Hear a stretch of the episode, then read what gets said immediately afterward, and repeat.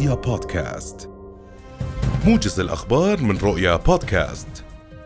موجز الأخبار أهلا وسهلا بكم. صرح مصدر عسكري مسؤول في القيادة العامة للقوات المسلحة الأردنية الجيش العربي أن المنطقة العسكرية الجنوبية أحبطت يوم أمس على إحدى واجهاتها محاولة تسلل شخص إسرائيلي الجنسية إلى داخل الأراضي الأردنية بطريقة غير مشروعة.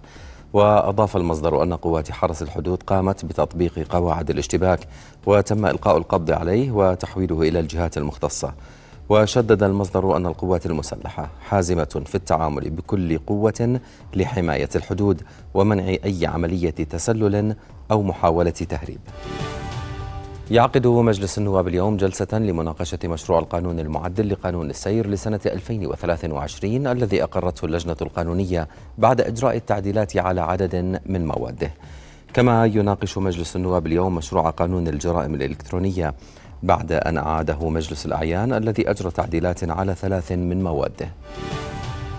ارتفع الحمل الكهربائي مساء أمس إلى 3600 ميجاوات أما الحمل الصباحي فبلغ 3350 ميجاوات بحسب شركة الكهرباء الوطنية.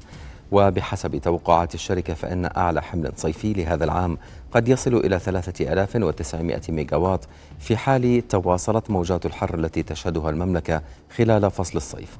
وبلغ أقصى حمل هذا الصيف 3700 ميجاوات فيما سجل أقصى حمل صيفي في شهر آب من عام 2022 حيث بلغ 3850 ميجاوات. اقتحم عشرات المستوطنين اليوم المسجد الأقصى المبارك بحراسة مشددة من شرطة الاحتلال الإسرائيلي. ونفذ المستوطنون جولات استفزازية في باحاته وتلقوا شروحات عن الهيكل المزعوم كما أدوا طقوسا تلمودية في المنطقة الشرقية منه.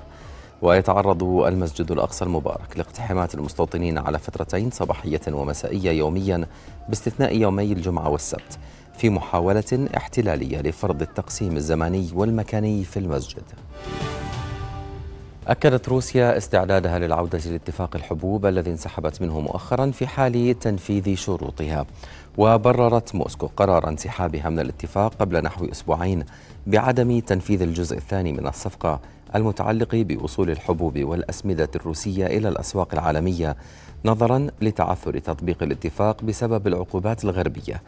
إذ تعاقب شركات التأمين وخدمات الموانئ السفن التي تتعامل مع روسيا.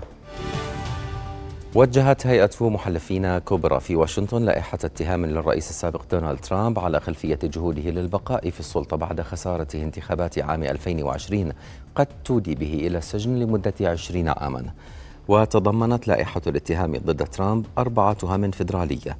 هي التآمر للاحتيال على الولايات المتحدة.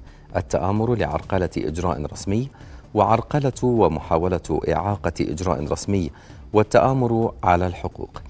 وتأتي لائحة الاتهام بعد أن انتهج ترامب خطة متعددة الجوانب للبقاء في منصبه والتوجه إلى وزارة العدل ومسؤولي الدولة وحتى مؤيديه الذين هاجموا مبنى الكابيتول في السادس من كانون الأول عام 2021 بعد أن رفض نائب الرئيس السابق مايك بينس طلب ترامب قلب نتائج الانتخابات.